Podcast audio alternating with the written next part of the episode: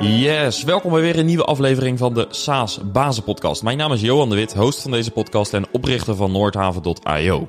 In deze podcast ga ik met SaaS-bazen in gesprek over hun business. En naast deze podcast is er ook een online community voor SaaS-bazen en een tweewekelijkse online meetup waarin we praten over onderwerpen die jou als SaaS-baas bezighouden.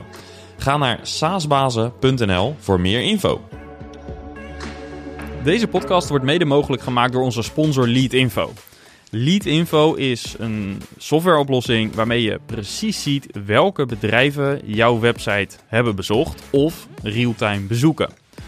Daarmee kan jouw salesteam eenvoudig leads opvolgen en met allerlei slimme integraties met bijvoorbeeld CRM-systemen en notificaties die je kunt instellen, is Leadinfo een steeds handiger onderdeel van de marketing en sales stack van veel B2B SaaS-bedrijven. Wil jij weten welke bedrijven op jouw website zitten? Ga dan naar leadinfo.com slash saasbazen voor meer info. Erwin Bukkers en Sander Verseput zijn CEO en COO slash CFO van het SaaS-bedrijf Channels. Met een team van 25 man werken ze aan uh, een online platform dat de communicatie tussen alle stakeholders in winkelgebieden en multitenant gebouwen vereenvoudigt. Maar zo begon Channels niet. Het idee was om een social network te bouwen.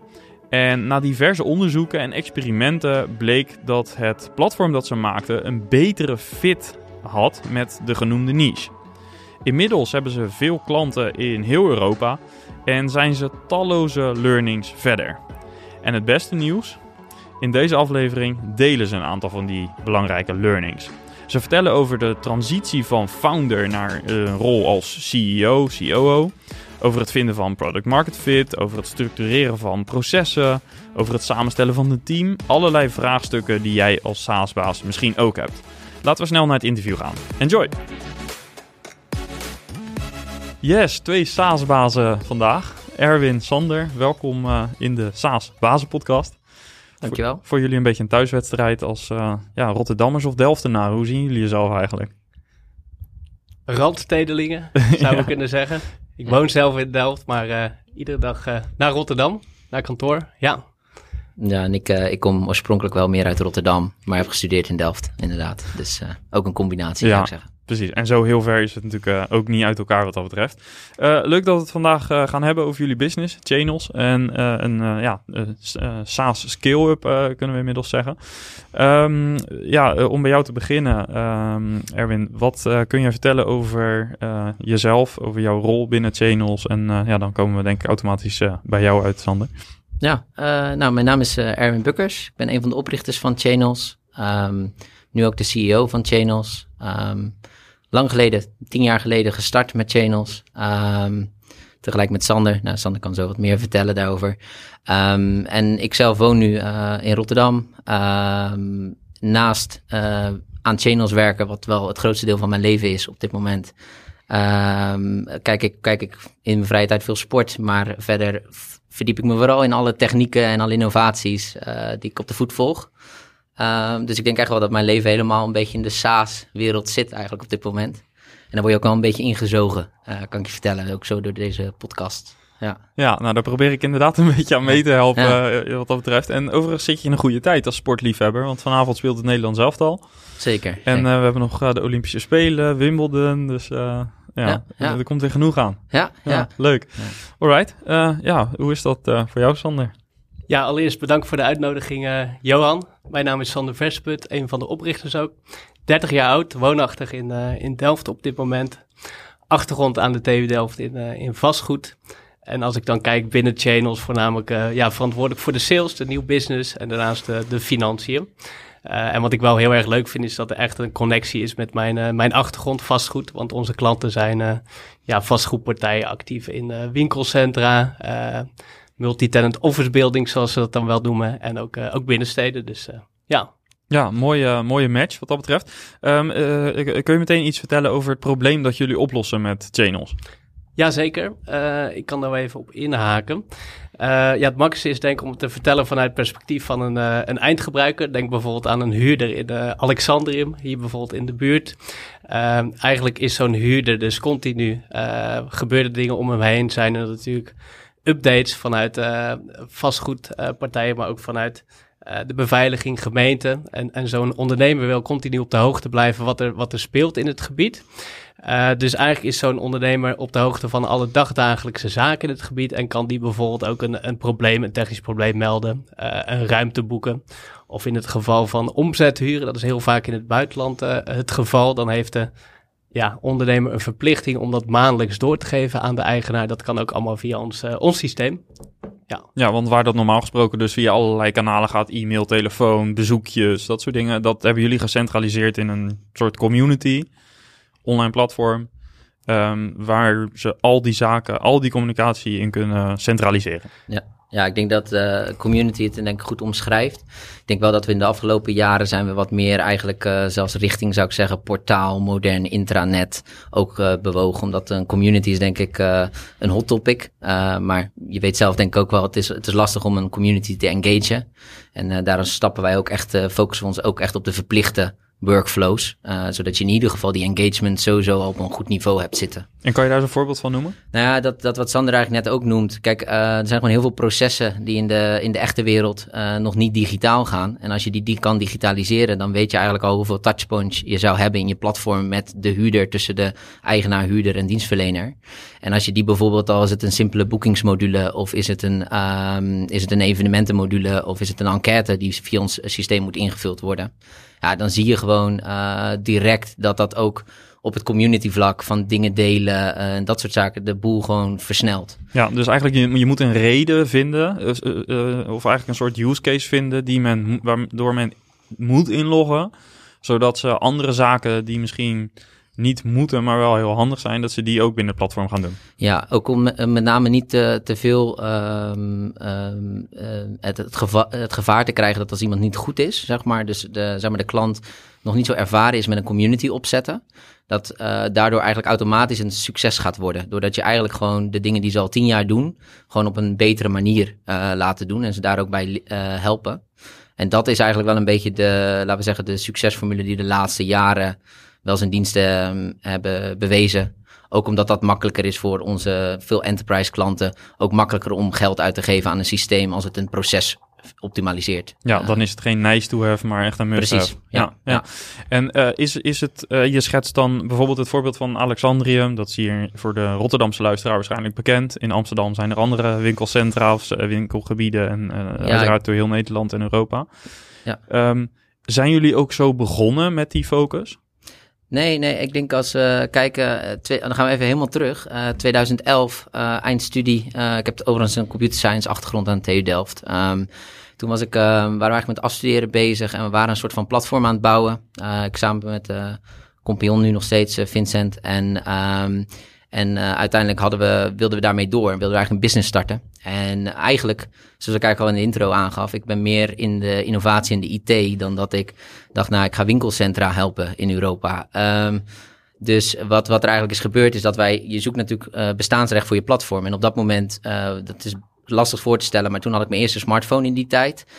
Internet was nog niet een gegeven op je telefoon. LinkedIn was nog niet echt groot. er waren mensen met een account, maar je kon ook heel goed leven zonder account. Marktplaats was wel redelijk groot al. Uh, dus in die tijd. Dus we zaten een beetje toen een beetje te denken van we worden een soort van global social network. Waar ik denk dat veel uh, jongens en meisjes denk ik die droom hebben. Zeker in die tijd. Waar je nu misschien weer wat andere technologieën hebt. maar dat was in die tijd groot. Um, en toen merkten we eigenlijk door gewoon met de klanten te praten. Of met de gebruikers te praten, beter zeggen. Want we hadden eigenlijk niet echt klanten. Want het was gratis om op ons platform te komen. Toen dachten we van ja, dit gaan we niet redden. Dit, we gaan niet van een LinkedIn met, die met zoveel geweld de Europese markt opkomt kunnen wij nooit concurreren. Um, dus wat gaan wij doen? En toen gingen wij eens praten met, met winkelgebieden om ons heen. Want wij zaten toen in het centrum van Delft met ons kantoor. En die zeiden van ja, wat jullie doen is, is heel leuk. Um, vinden we heel mooi. Maar we hebben dit eigenlijk helemaal niet globaal nodig. Want overal zijn nu social networks aan het uh, komen. Maar we hebben eigenlijk het afgeschermd van onze eigen straat nodig. Want ja, daar hebben we heel veel problemen mee. We kunnen niet elke winkel bezoeken, elke bedrijf bezoeken. Het gaat allemaal nog wel heel erg oud, uh, oudbollig eigenlijk. En daar willen we wel eens over nadenken of jullie daar iets kunnen betekenen. Dus toch wel een beetje, laat ik zeggen, het intranet, extranet, denk ik, verhaal op dat moment. Ja, alleen dus intranet, alleen dan wel over meerdere organisaties. Ja, precies. Dat is denk ik wel Ja. echt het allerbelangrijkste verschil. Dat wij vanaf dag één altijd juist die verschillende organisaties, dus eigenlijk een hele complexe structuur. Meestal wel een geografisch gebied, dus daarom een winkelgebied of een eh, verzamelgebouw of ehm, een winkelcentrum. Maar inderdaad, die hebben toch iets collectief, want ze hebben toch belang bij elkaar dat het, eh, dat het ze- je werkt toch samen naar een succes toe. Want als je winkelcentrum niet bezocht wordt omdat je buren ja, slechte producten aanbieden of dat die mix niet goed is van brands, ja, dan, dan trek je niet het publiek, juiste publiek en is jouw omzet ook laag. Dus eigenlijk dat collectief wat vaak in Nederland wordt gezegd, dat, en Nederland is ook wel erg goed in verenigingen en dergelijke. Er is geen één land volgens mij waar je zoveel verenigingen hebt als in, in Nederland. Dus die zoeken allemaal, die zochten naar zo'n tool. Dus toen zijn we eigenlijk gaan eh, experimenteren eigenlijk, eh, met eigenlijk een tweetal klanten in de binnenstad van Delft. Was het een en ander gaande. En we waren toen in contact gekomen met eh, de negen straatjes in Amsterdam. Eh, echt de negen boutique-straatjes, 200 eh, bekende winkeltjes. Echt eh, miljoenen bezoekers door het toerisme. En die zeiden, ja, wij hebben dat probleem ook. Dus toen zijn we eigenlijk met die twee, eh, in 2000, dat was 2013, daar zijn we toen mee begonnen. En toen zijn we eigenlijk met ze gaan ontwikkelen. Dus we gaan eigenlijk het, open platform eigenlijk terug gaan brengen naar gesloten communities. Zoals je die nu bij een Facebookgroep kent. Of eh, nou, heel veel community platformen tegenwoordig. Ja. Ja, dat was eh, ja, eh, gaaf om dat is zo vroeg al eh, zo'n pivot te maken. Want is het zo dat je geeft, het was eigenlijk een beetje bedoeld als sociaal netwerk. Ehm, eh, wel, aanvankelijk was het idee dus om een soort Facebook alleen dan voor zakelijke gebruikers te worden? Of? Ehm, ja, dat was aanvankelijk het idee. We wilden ook eigenlijk dat de ja, ondernemingen die zich aanmelden voor het platform inderdaad onderling zaken zouden gaan doen. En dan vooral in een lokaal gebied. Eh, maar we merkten toch echt dat er een behoefte was op dat collectieve niveau. Dus inderdaad dat een vastgoedeigenaar meldde van... goh, het gaat allemaal super inefficiënt. Eh, we moeten echt die, die communicatie automatiseren. We willen de huurderstevredenheid laten toenemen. Eh, eigenlijk vanuit het optiek, we bieden een ruimte aan... maar als extra dienstverlening richting onze huurders... willen we ook ja, een stukje hospitality aanbieden en een, ja, een app eigenlijk. Ja, een manier om met elkaar te kunnen communiceren. Dan eh, hebben we een beetje gehoord wat het initiële idee was en hoe jullie al vrij snel op dit spoor kwamen. Waar staan jullie nu? Wat is nu op dit moment de propositie? Ja, daar kan ik wel even op, eh, op inhaken. Eh, als we kijken naar de, de landen waarin we actief zijn, dat zijn dat er ongeveer tien op dit moment. We proberen ons wel echt te focussen op ongeveer zes doelmarkten. Want je merkt ook dat ja, focus maakt alles beter natuurlijk. We zien ook dat er... ja, eigenlijk is de, de strategie heel erg land and expand. Dus wij proberen een klant heel erg succesvol te maken eh, hoge engagement op het platform te krijgen. En dan vervolgens na een aantal maanden eh, ja, willen we heel graag met die vastgoedpartij weer om de tafel. Dan bespreken we wat de impact is geweest. En dan hopen we dat zo'n vastgoedpartij ons over de grenzen meeneemt. Want heel vaak zijn ze in meerdere landen actief. Eh, dus dat is waar we ons ja, echt op focussen. Dus dat initiële succes van zo'n community in een aantal, een aantal locaties. En dan uitbreiden naar eh, ja, verschillende andere plekken Ja. waar ze actief zijn. En ik denk ook misschien, sorry als aanvulling nog, dat ehm, met die internationalisering, ehm, we hadden altijd wel de ambitie eh, dat het me geweldig leek om, om buiten Nederland te werken. En het, ik denk dat ook eh, software natuurlijk daarbij uitstek, eh, dat het makkelijk is eigenlijk. Maar inderdaad, omdat die klanten ook eh, versnipperd over landen zaten, ook omdat als je een winkelcentrum in Nederland, denk je misschien soms wel aan zo'n wijkwinkelcentrum, eh, wat gewoon meer een voor je boodschap is, om het zo maar te zeggen. Kijk, als je denkt aan je vakantie in Frankrijk of een ander land, dan heb je van die megamall staan. Dus voor ons was het ook wel een beetje bittere noodzaak, zou ik zeggen, om daar zeg maar in, in, in, in die league mee te gaan doen. Want anders dan, eh, ja, de, laten we zeggen, wat concurrentie misschien in het buitenland die wel voor dat soort high-end eh, objecten werkt. Ja, dan word je toch op een gegeven moment, eh, misschien eh, zaten we dan niet goed eh, zeg maar in de wedstrijd. Ja, is Dus- Nederland ook te klein? Eig- eigenlijk wel. En de, en de voorbeelden zijn maar enkele echt hele grote objecten. Dus wij dachten het is wel goed om zo snel mogelijk daarheen te gaan. En ook omdat ik, eh, nou ja, ik had het net al 2011, 2013. We zijn ook al een tijdje bezig. Dus je bent ook gewoon, je probeert ook jezelf gewoon eh, heel erg eh, gemotiveerd te houden. En de uitdaging die je gewoon tegenkomt met cultuur, taal, ja, die, die zijn gewoon heel leuk om, om op te lossen met elkaar. En dat geeft toch, ook al werken we heel graag in Nederland, als je daar honderd keer hetzelfde trucje hebt gedaan, dan is het wel heel leuk dat je een keertje over de grens iets anders kan doen. Ja. Ja. Ja, en dan kan ik me ook voorstellen wat je net zelf al zei. Jullie klant is dan bijvoorbeeld zo'n vastgoedeigenaar. Die, of, of misschien niet de eigenaar, maar wel degene die dus uh, bijvoorbeeld zo'n winkelgebied ook uh, organiseert. Uh, op een gegeven moment heb je ze in Nederland ook wel natuurlijk. Want het zullen, er zullen dat soort organisaties, die hebben misschien meerdere winkelcentra. Dus dan heb je misschien één keer een sale. Maar daarna de implementatie kun je waarschijnlijk dan zonder sales misschien zelfs wel doen. Ja, dan is het meer, uh, dat is ook, uh, sinds kort hebben we ook een customer success team echt dedicated daarop. Om, om eigenlijk die land expand strategie zo goed mogelijk uit te werken. En inderdaad, dan, dan is het meer het succes van het product en het project ja. Uh, dan dat uh, Sales daar nog een hele belangrijke rol in heeft. Ja. ja. nu hebben een aantal van jullie klanten, hebben jullie dus al geholpen uh, om voet aan de bodem te krijgen in andere landen. wat hebben jullie verder gedaan om die internationale sales op te zetten?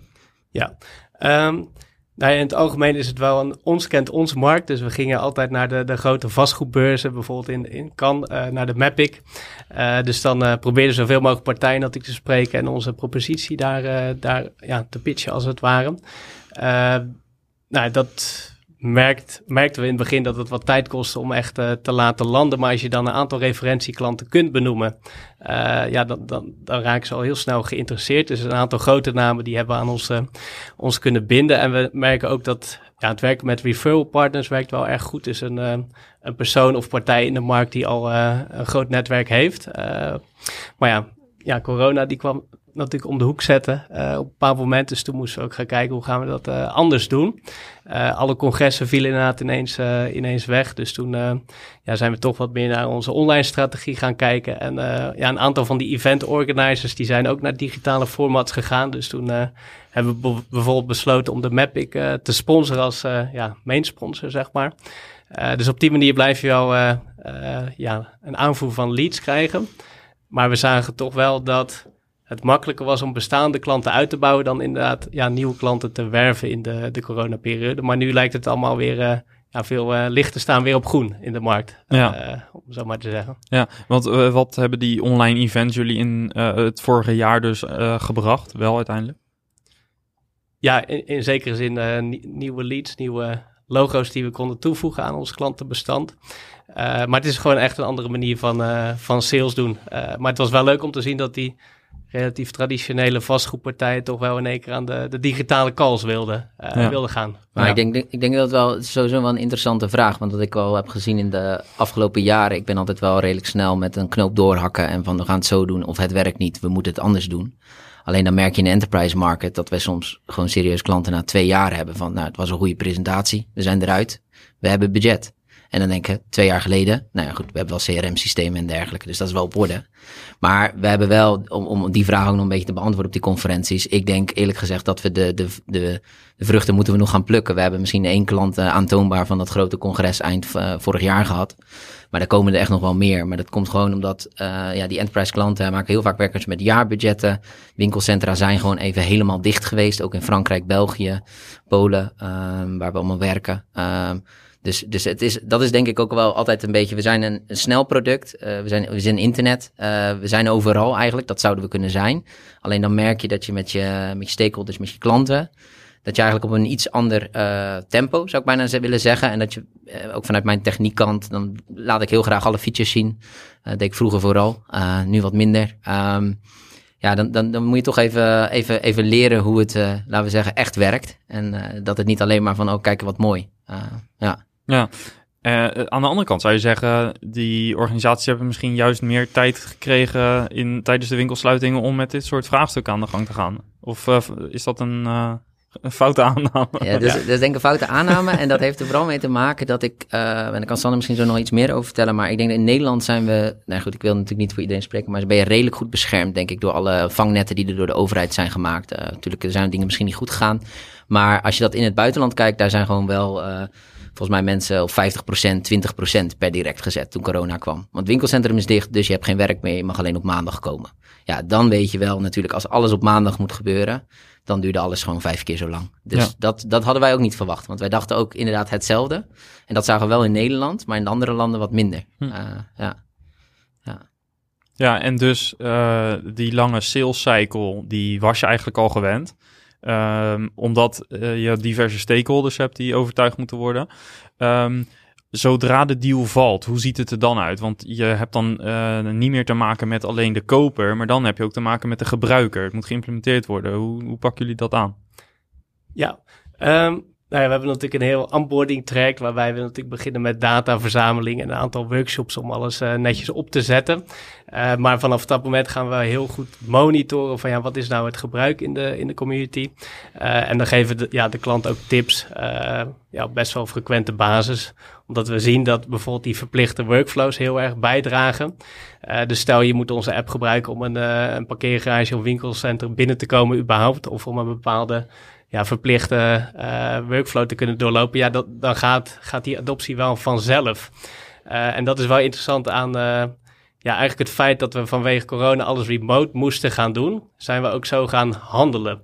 Dus waar we voorheen zeg maar echte winkels gingen bezoeken om onze ja, app eigenlijk aan te prijzen en te vertellen wat, wat ze ermee kunnen, konden we in één keer die gebieden niet meer bezoeken.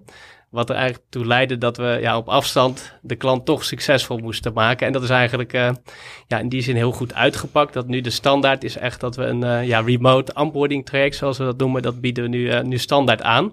en eigenlijk kunnen we dus ja, op grote afstand de community lanceren zonder dat we eigenlijk de klant hebben hoeven te, te spreken. Ja, dus het maakt jullie uiteindelijk ook nog schaalbaarder. Ja, heel erg. Want ik denk dat, uh, ik zei het ook tegen Sander, begin, uh, begin 2021 was het. Uh, toen had ik volgens mij, hadden we elf keer gevlogen, volgens mij in de eerste twee maanden. elke week in ieder geval. En toen kwam corona en sindsdien doe ik videocalls. En veel meer, veel meer per week dan voorheen. Uh, dus ja, dat heeft wel echt wel heel veel voordelen. En het heeft meer te maken, niet, het was echt niet dat wij niet wilden. Het was gewoon de corporates die gewoon geen videosoftware hadden. En inmiddels heeft natuurlijk elk, elk bedrijf nu videosoftware. Dus dat is eigenlijk wel een hele grote kans. Uh, dus die digitalisering is wel in deze hele traditionele markt heeft wel even, is echt even in versnelling gekomen. Dus ik denk dat dat wel een groot voordeel uh, is. Ja. ja. En als, uh, wat, wat is jullie verwachting voor uh, het komend half jaar, of misschien beter gezegd volgend jaar? Uh, gaan we weer terug het vliegtuig in? Of denk je toch wel dat er heel veel van die onboardings en sales gesprekken virtueel blijven? Ik, ik, denk dat er een situatie ontstaat waarbij ja, voor de echt belangrijkste meetings nog wel ja, je hoofd zeg maar laat zien, maar dat je voor heel veel ja, progress calls om gewoon kleine zaken te bespreken, dat gaat allemaal, allemaal digitaal. Maar dat je bij wijze van spreken één keer voordat de handtekening wordt gezet, uh, de mensen persoonlijk ontmoet. Ik denk dat je naar zoiets toe zal gaan. Ja. ja. Ja. en op conferentievlak zie je denk ik gewoon dat het gewoon wat meer hybride wordt. Uh, en, en dat dat wel gewoon goed is. Dus ik denk ook als je gewoon inderdaad naar de niet kostbare meetings gaat, dat je die gewoon, als je ook gewoon een prijskaartje, want we vliegen ook niet gratis. En ik vind het ook altijd slecht te rijmen met een, met een, met een platform waarbij je ook wil dat het wat meer sustainable wordt en allemaal op de, dat het allemaal wat klopt met de de tijd waar we leven. Ja, dan is dat het wel een beetje slechter verkopen waarom ik nu heen en weer moet vliegen voor deze call. Uh, als je gewoon videosoftware hebt. Ja, ja, ja precies. Ja. Alright, um, leuk om daar wat uh, beter beeld bij te krijgen. Uh, een ander thema wat ik altijd interessant vind, ook bij uh, Skill-Up, zoals jullie, is de rol die je in het begin hebt van founder naar nu CEO, COO slash CFO um, in jouw geval. hoe hebben jullie die transitie ervaren? Um, ja, ik denk dat we nog steeds wel in een transitie zitten. Dus van een situatie waarbij je vooral zelf sales aan het doen bent, uh, willen we nu vooral ja, nieuwe mensen werven om inderdaad uh, de sales binnen te halen. Uh, dus denk aan betere meetingstructuur, een sales playbook, maar ook het stukje werving, daar zijn we nu actief mee bezig. Dus we hebben al wel een sales team, maar we hebben zoiets van ja, we kunnen het nog verder, verder opschalen. Dus dat is ja heel leuk dat het zo'n continu proces is. Maar je moet af en toe ja, iets meer uitzoomen, iets meer uh, tijd plannen voor ja, wat meer strategische sessies in plaats van dat je zelf operationeel bezig bent. Uh, dus dat is nog steeds een continu proces, maar ik denk dat het wel een heel leuk proces is om, uh, om door te maken. Ja, en ja, bij mij was het, ik ben zelfs in het begin gewoon was ik aan het coden. Um, dat vond ik ook heel leuk. En en op een gegeven moment krijg je een soort van situatie waar het een beetje beide doet. ga je op, en op een gegeven moment dan doe je alleen nog maar afspraken. En dan ga je s'avonds, ga je denken van, nou, ik wil nog wat coden of ik wil nog wat bijdragen aan een team. Omdat dat misschien ook wel, uh, misschien een beetje vanuit de achtergrond, TU Delft, computer science. Dat je denkt van, ja, ik vind het vet om dingen te bouwen. Uh, en dan voelt dat toch wel goed dat je aan het eind van de week iets gebouwd hebt. Ook al heb je misschien tien hele goede meetings gehad of meer. Um, dus, uh, dus dat is langzaamaan wel minder geworden. Dus op dat betekent dat nu mijn rol waar Sander wat meer op de financiële en de commerciële kant zit, daar assisteer ik wat meer bij, omdat toch heel vaak wel weer techniek gerelateerde vragen komen.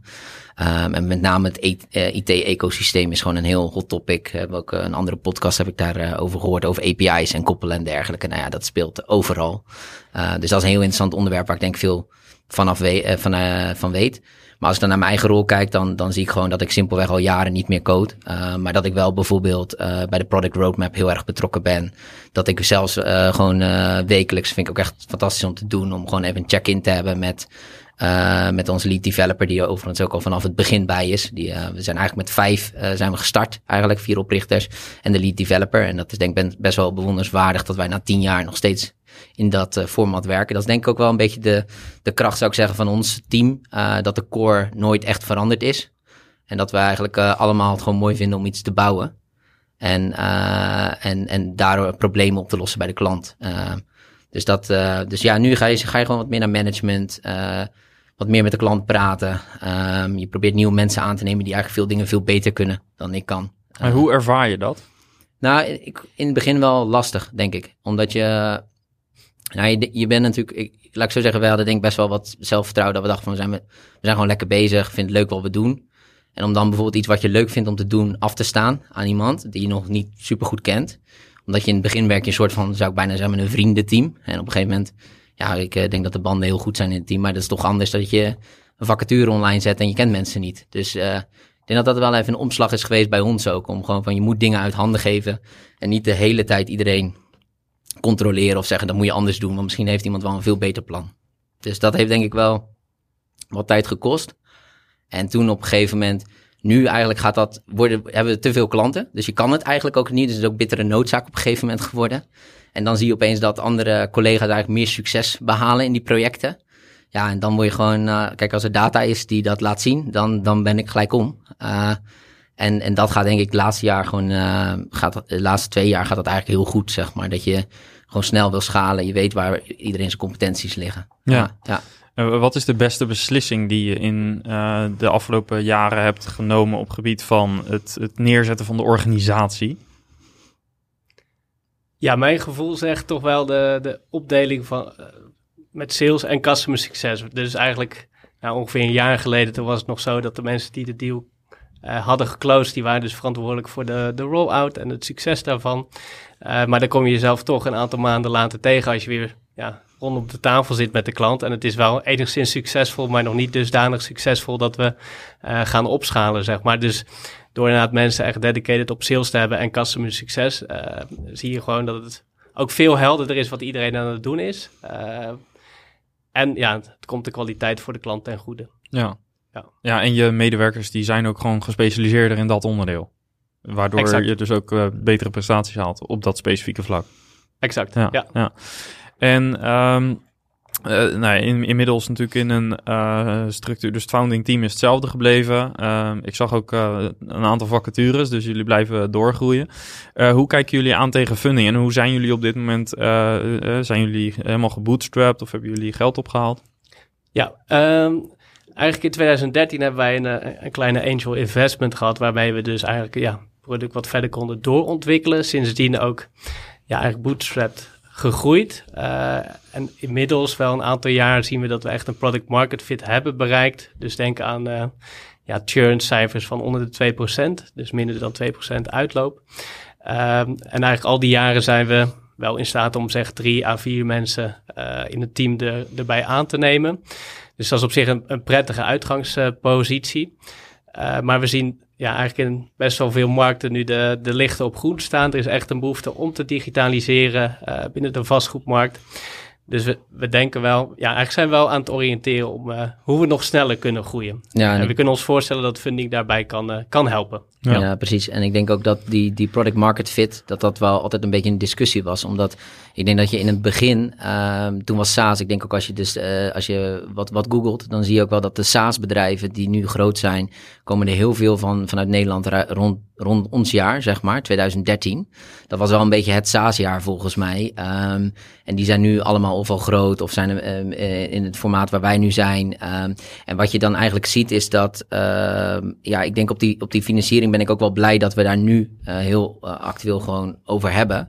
En in die andere tijd nog niet zo met de tijd bezig waren om te presteren. Omdat we ook wel, denk ik ook heel veel van het team hebben zichzelf ontwikkeld in die tijd. Uh, en in het begin, ik zie de eerste drie jaar ook altijd meer als een project dan een bedrijf.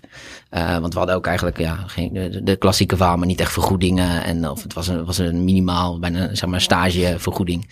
De, dus, dus dat is denk ik echt wel veranderd. Maar bedoel je ook dat uh, de mensen binnen de start-up nog niet klaar waren voor zeg maar fase hypergrowth?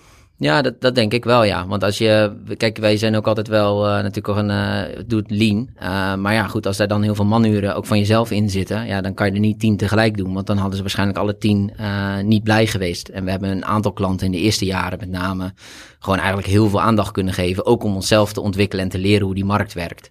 En uh, dus dat is denk ik aan de ene kant daarom wel een goede keuze geweest. En ik denk wat we daarnaast wel om het bootstrap zeg maar te laten groeien de afgelopen jaren, want we hebben best wel een flinke groei laten zien, zeker de laatste twee jaar. Um, dat we, wat, we, wat we wel doen is, omdat we met veel enterprise en veel real estate werken, we hebben altijd best wel lange contracten eigenlijk voor SaaS. Dus bij ons zijn de contracten vaak uh, drie jaar uh, al, uh, worden elk jaar upfront betaald. Uh, en dat, dat zijn natuurlijk, dat is lekker voor je financie en voor je liquiditeit en dergelijke ja. natuurlijk. En dat is wel iets anders met de maandelijkse subscription. Ja, zeker. Ja. Ja, ja. want wat is jullie ACV ongeveer? Ja, uh, kun je er iets over zeggen? Uh, nou, op dit moment zijn we dat soort metrics wat meer aan het, uh, aan het berekenen. Dus we, nou, we hebben natuurlijk aardig inzicht hoe lang blijft de klant. Maar ja, omdat die churn zo laag is, is dat nog ook lastig te zeggen hoe dat precies uitpakt. Dus we zijn eigenlijk concreet bezig om dat soort metrics wat meer uh, inzichtelijk te, te maken. Ja, en wat zijn de belangrijkste metrics die je op je dashboard zou willen zien aan het eind van dit project, zeg maar? Ja, uh, nou ja, we zijn dus binnen het sales team veel meer aan het kijken van ja, hoe, hoeveel kost het nou om een bepaalde uh, lead uiteindelijk te closen? Hoeveel contactmomenten zijn er nodig? Hoeveel e-mailtjes? ook bezig om wat meer te kijken van ja, hoe kunnen we inschatten hoeveel tijd we moeten besteden aan een bepaalde lead. Want je kunt je ook voorstellen dat er zich partijen melden die niet echt een, uh, een fit zijn. Dus we hebben ook zo'n ideal customer profile uh, ja, geformuleerd. Want dat was wel in het verleden uh, wat er wel eens gebeurde. Dan had je dus een, een, een lead die meldde zich. En dan zagen we dat als een enorme kans. Maar als we vooraf even goed hadden nagedacht, hadden we misschien al kunnen zien dat er geen fit was. Dus we kijken in ieder geval, ja, kunnen we de, de taal en de tijdzone faciliteren? Um, heeft een gebied bijvoorbeeld meer dan, dan tien huurders? Uh, dus zo zijn een aantal kwalificatiecriteria waar we, waar we naar kijken. Ja, ja. En, en ik denk dat, uh, dat we voorheen verkochten we instances, dus communities, één voor één. En we focussen nu ook op die portefeuilles. Dus dat maakt het even wat lastiger soms om over KPI's te praten. Omdat we voorheen uh, waren bij wijze van spreken, nou, even een range geven zeg maar, van 3000 euro op jaarbasis tot 25, uh, 25.000 euro op jaarbasis voor een community. Dat was een beetje, dus een beetje zeg maar, de range waar we in spelen. Maar ja, als je die portefeuille keer 40 kan doen, uh, of keer 20, wat we nu veel zien, ja, dan uh, praten we over hele andere bedragen. Ja, dus dan mag ja. natuurlijk die, die investering vanuit ons kan ook heel anders zijn. Ja, dus je zou in die zin al verschillende cohorts hebben, we verschillende ja. uh, segmenten hebben, waarbij één point of sale misschien wel tien keer de normale ACV zou betekenen. Als, die, als dat, dat contact zoveel uh, locaties. Ja, dus waar wij vooral nog denk kijken naast de standaard, standaard KPI's is denk ik ook echt met name de, die portefeuille uh, grootte, dus die expand strategie, want die is vele malen meer waard dan de initial sales. Uh, en en dat, die kost dus die kost heel veel tijd. Ja. Dus, dus dat proberen we ja, te verrekenen en te zien. Maar dan moet je natuurlijk wel ver in de toekomst kijken. Moet je ook kijken naar nou, naar allerlei dingen wat er binnen een partij. De, de wordt ook veel ontwikkeld. Dus het kan ook zijn dat er weer verkocht wordt. Uh, wat gebeurt er dan? Uh, dat, dat soort dingen. Dus daar zitten we, daar zitten we zeg maar best wel bovenop. Ja, ja. dus eigenlijk het groeipotentieel van, uh, je, van je prospect. Die bepaalt eigenlijk in grote mate hoeveel salesinspanningen je kan gaan doen. Ja. Ja, oké, okay, check. Ja. ja. Alright. Um, dus uh, als jullie straks echt die product market fit, die hebben jullie al, maar als jullie ook de metrics en dergelijke aan boord hebben, dan gaan jullie kijken of je dat mogelijk met extern geld uh, zou willen gaan uh, schalen. Ja. Ik denk dat dat een goede samenvatting is. Ja, Ja. check. En, ja, en met name eh, omdat we nu vooral in Europa actief zijn. En dat we echt wel de ambitie hebben om verder te kijken dan Europa.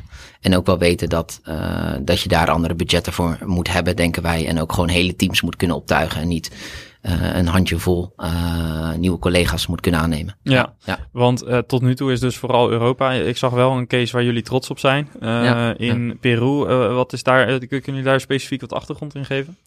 En hoe, hoe kom je eh, in dat deel van de wereld als je focus meer op Europa ligt?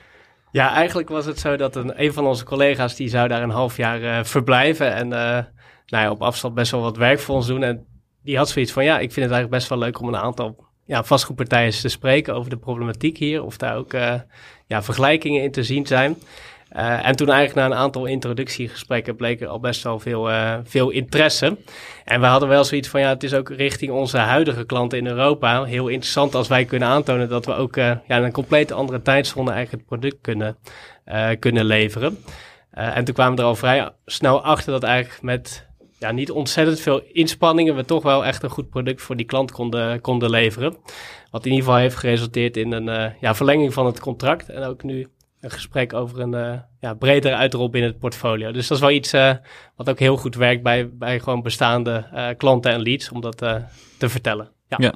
Ja, en ook vertrouwen zal geven voor jullie zelf om ook eh, wat eh, meer internationaal nog te gaan oriënteren. Of buiten Europa ook te oriënteren. Ja, precies, precies. En ik denk dat we, we zijn wel wat terughoudender geworden om die, fo- die focus meer te houden. Omdat, ja, in het begin dan ben je ook wel een beetje aan het freestylen. Dus dan denk je van, nou, die workshop, dat regel ik wel. Ik verander gewoon dit woordje met dit woordje en dat doe ik wel eh, ter plekke. Maar ja, goed, als je dan een team hebt en je probeert dingen te meten, ja, dan, dan is dat niet meer te doen. Dus dan heeft dat gewoon zoveel impact. Als sales eh, iets, iets verkeerd verkoopt, dan, ja, dan, dan zit ik daarna zitten we met customer succes.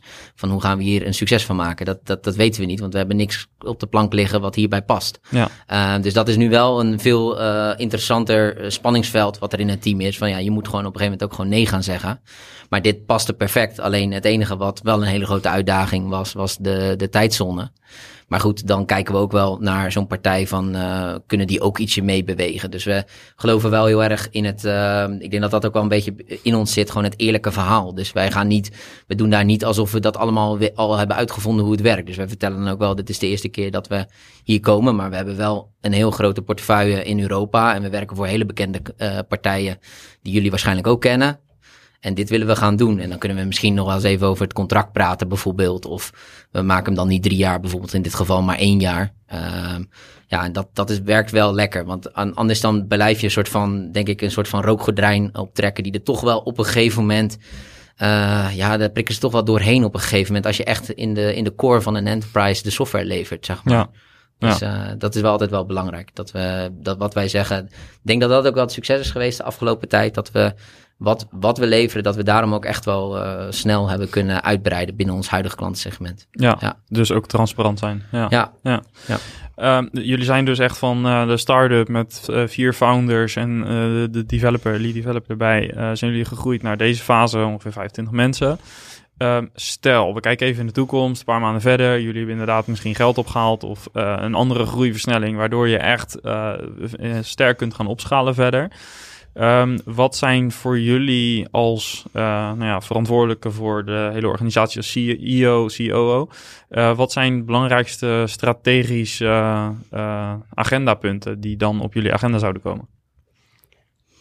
Wat zou je in de organisatie willen doen om die ook klaar te stomen voor die groei? Ja, nou, ik, ik denk dat we allereerst nog met wat huiswerk moeten beginnen van, goh, gaan we binnen deze niche echt opschalen of gaan we ook de, de multi-tenant office buildings wat meer uh, uh, aanvliegen? We, hebben ook een aantal projecten waarbij zelfs de bewoners in een gebied uh, meedoen op het platform. Nou, die markt is ook enorm groot. dus we kunnen, hebben een aantal routes. We kunnen eigenlijk zeggen, we gaan een aantal sales spots, dus een aantal sales teams echt op de niche retail vastgoed zetten. Wat een hele slimme strategie kan zijn. Of je gaat hem inderdaad wat, wat breder uh, trekken. Want ook al die vastgoedpartijen zijn aan het diversificeren. Want dat hoor je natuurlijk wel vaak. Ja, de retail staat onder druk. Je moet kijken of je uh, ja, ook met de klant kan meegroeien. Die ook inderdaad in uh, ja, residentieel vastgoed en kantoren gaat, gaat investeren. Dus dat is... Maar ook kantoor, de kantoormarkt is ook wel... staat ook onder druk door corona misschien. Ja, aan de andere kant zie je wel dat zo'n zo'n belegger dan een extra stukje service in de vorm van een app vaak wil, uh, wil aanbieden. Uh, maar op die manier moeten we echt gaan kijken van ja, onze, onze kracht ligt nu bij retail. We hebben een aantal succesvolle side projects. Uh, ja, wat is de marktpotentie? Hoe snel kunnen we binnen bijvoorbeeld vijf jaar binnen ieder segment uh, groter worden? Ja. ja. En ik denk de investering die wij echt wel dit jaar hebben gemaakt, is dat we heel veel, uh, ik zou zeggen, experts en coaches om ons heen. Uh, ja, we hebben daar allemaal samenwerking mee en gecontacteerd. En die helpen ons door verschillende sessies. Waardoor je eigenlijk ook weer wat meer begeleiding krijgt. Dus ik denk dat we heel lang gewoon ons ding aan doen waren, om het zo maar te zeggen. Uh, we gingen wel er veel op uit, maar waren wat minder. Uh, nou, ook zo'n podcast, uh, dus daar kan je er denk ik ook geen een van vinden van de afgelopen zes jaar. Waar wij bij iets te gast zijn geweest. En dat we dat wel weer wat meer, daar, het gevoel hebben dat we daar klaar voor zijn. En dat we dat echt moeten gaan doen. En dat het ook echt iets oplevert. En daarvoor waren we, dachten we van ja, het is meer afleiding van hetgeen wat we aan het doen zijn. Wat misschien niet altijd helemaal een juiste constatering is geweest. Maar dat is in ieder geval wel hoe het is gelopen. Ja. ja. En uh, op welke gebieden heb je dan met name die experts en coaches uh, binnengehaald? Wat, wat waren echt jullie uh, ja, probleemstellingen?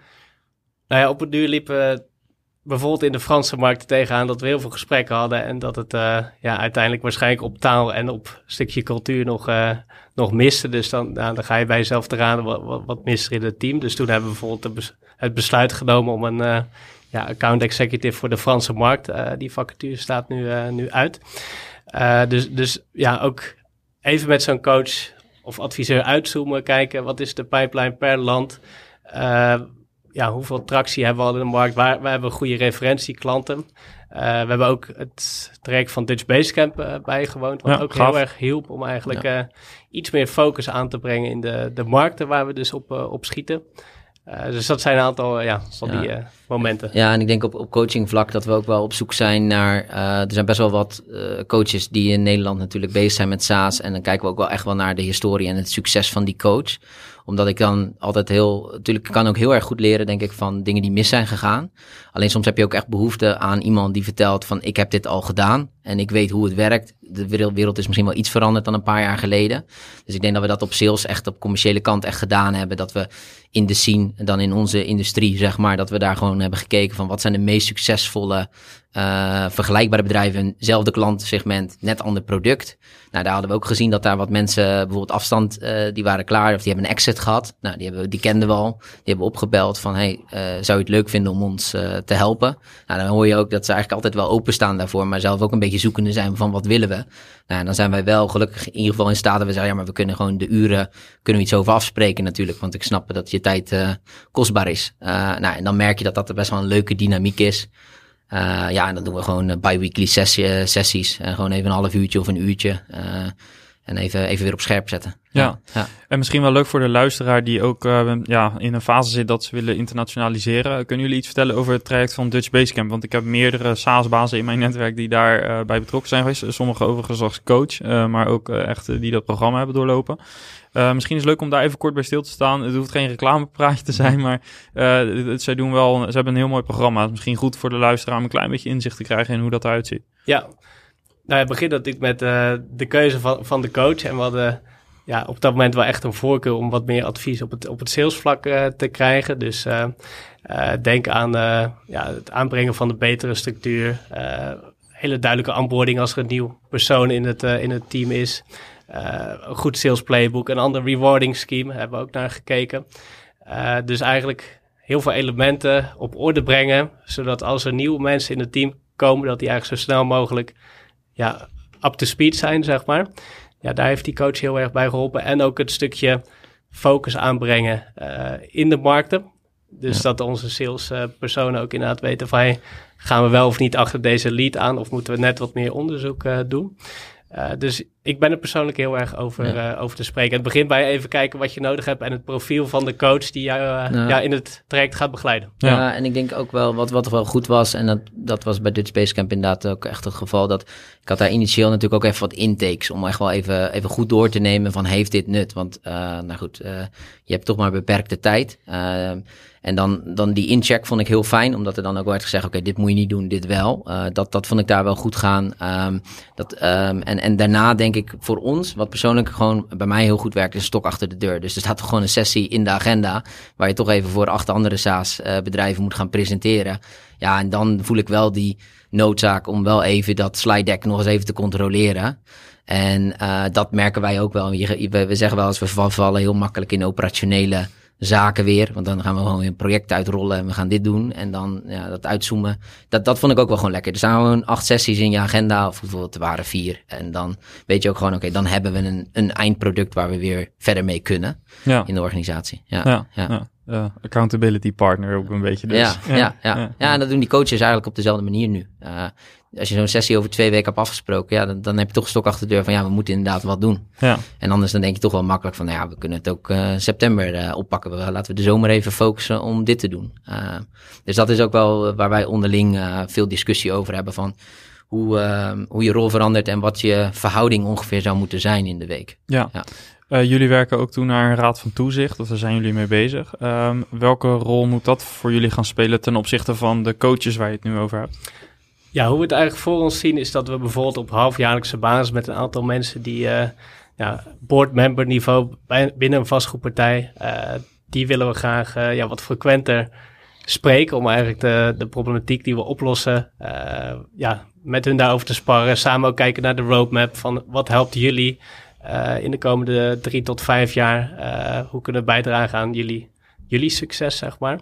Uh, en je merkt ook als je, tenminste dat hopen als je zulke mensen in één ruimte bij elkaar brengt, uh, dat ze ook wat sneller gaan zeggen van, uh, ik ken nog een aantal andere partijen, daar wil ik je ook introduceren. Dus eigenlijk is vooral de, de roadmap en, en introducties en gewoon op high, high level niveau over de industrie praten, dat hopen we daar, daaruit te krijgen. Ja. Ja, ja, en ik denk ook gewoon ja, echt een spiegel, zeg maar, qua gewoon kritische mensen. Um, dat, het is makkelijk om gewoon niet onstage te gaan en zeggen van ja, we hebben gewoon een paar goede projecten draaien en we groeien toch. Uh, we zijn lekker bezig, maar het is soms ook gewoon goed om even weer uh, even echt te horen hoe het volgens die mensen zit. En ik denk dat dat ons ook weer meer motiveert en, en, en ook weer focus aanbrengt. En zij zijn daar eigenlijk op een andere manier natuurlijk dag en nacht mee bezig met waar hun organisatie heen ontwikkelt. En daar kunnen wij dan weer in spelen. Net zoals met die bewoners wat Sander eerder noemde. Dat is ook iets waar wij anderhalf jaar geleden mee zijn begonnen om dat ook in het platform te verwerken. Omdat we weten dat de bewoners steeds meer bij winkelcentra betrokken worden. Dus wij zijn daar technisch gezien nu klaar voor, omdat we zoveel met die klanten hebben gezeten. Want anders hadden wij dat nooit geweten. Uh, en en dat, daar zit denk ik wel echt... Uh, uh, de kans. En ik denk ook, zo net, zo, net zoals dat je de fintech hebt, zeg maar, is nu echt prop, proptech is wel een groot ding. Property technology. Uh, dus gewoon echt alles in de software en de vastgoed. Um, even simpel gezegd. Um, ja, en dat is ook gewoon iets. Daar zijn businessclubs, er zijn netwerken van. Uh, dus iedereen is wel of een head of digital aan het aannemen binnen de vastgoedpartij. Nou, dat zijn de mensen die moeten, die moeten ons kennen of moeten wij kennen, uh, hoe je het ziet. Um, dus ja, dat, uh, dat moet het wel gaan, gaan opleveren. Ja. ja. Alright.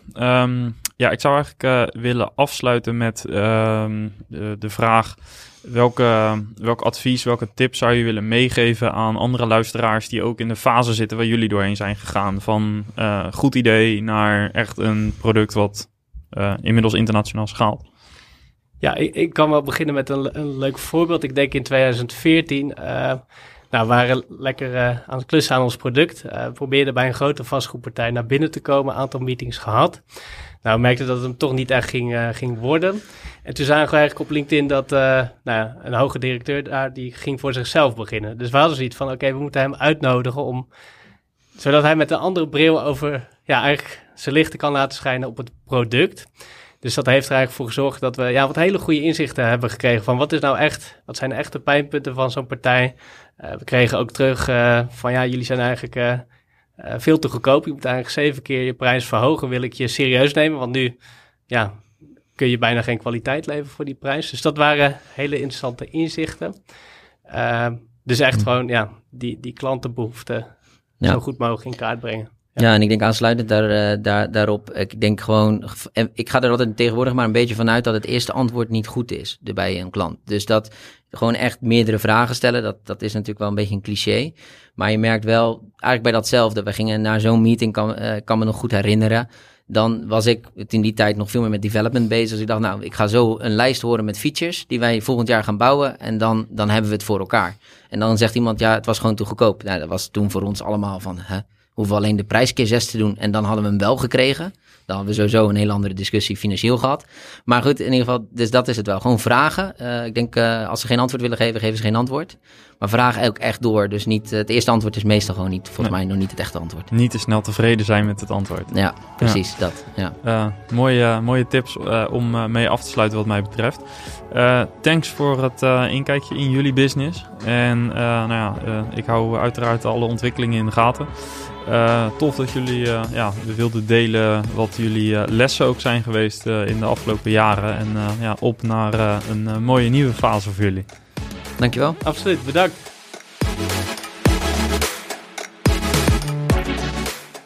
Yes, en ben je op zoek naar meer inspiratie? Schrijf je dan in voor de SaaS-bazen Meetup. En luister niet alleen naar het laatste SaaS-nieuws, maar krijg ook een inkijkje in case studies van andere SaaS-startups en scale-ups. En neem zelf ook actief deel aan het gesprek.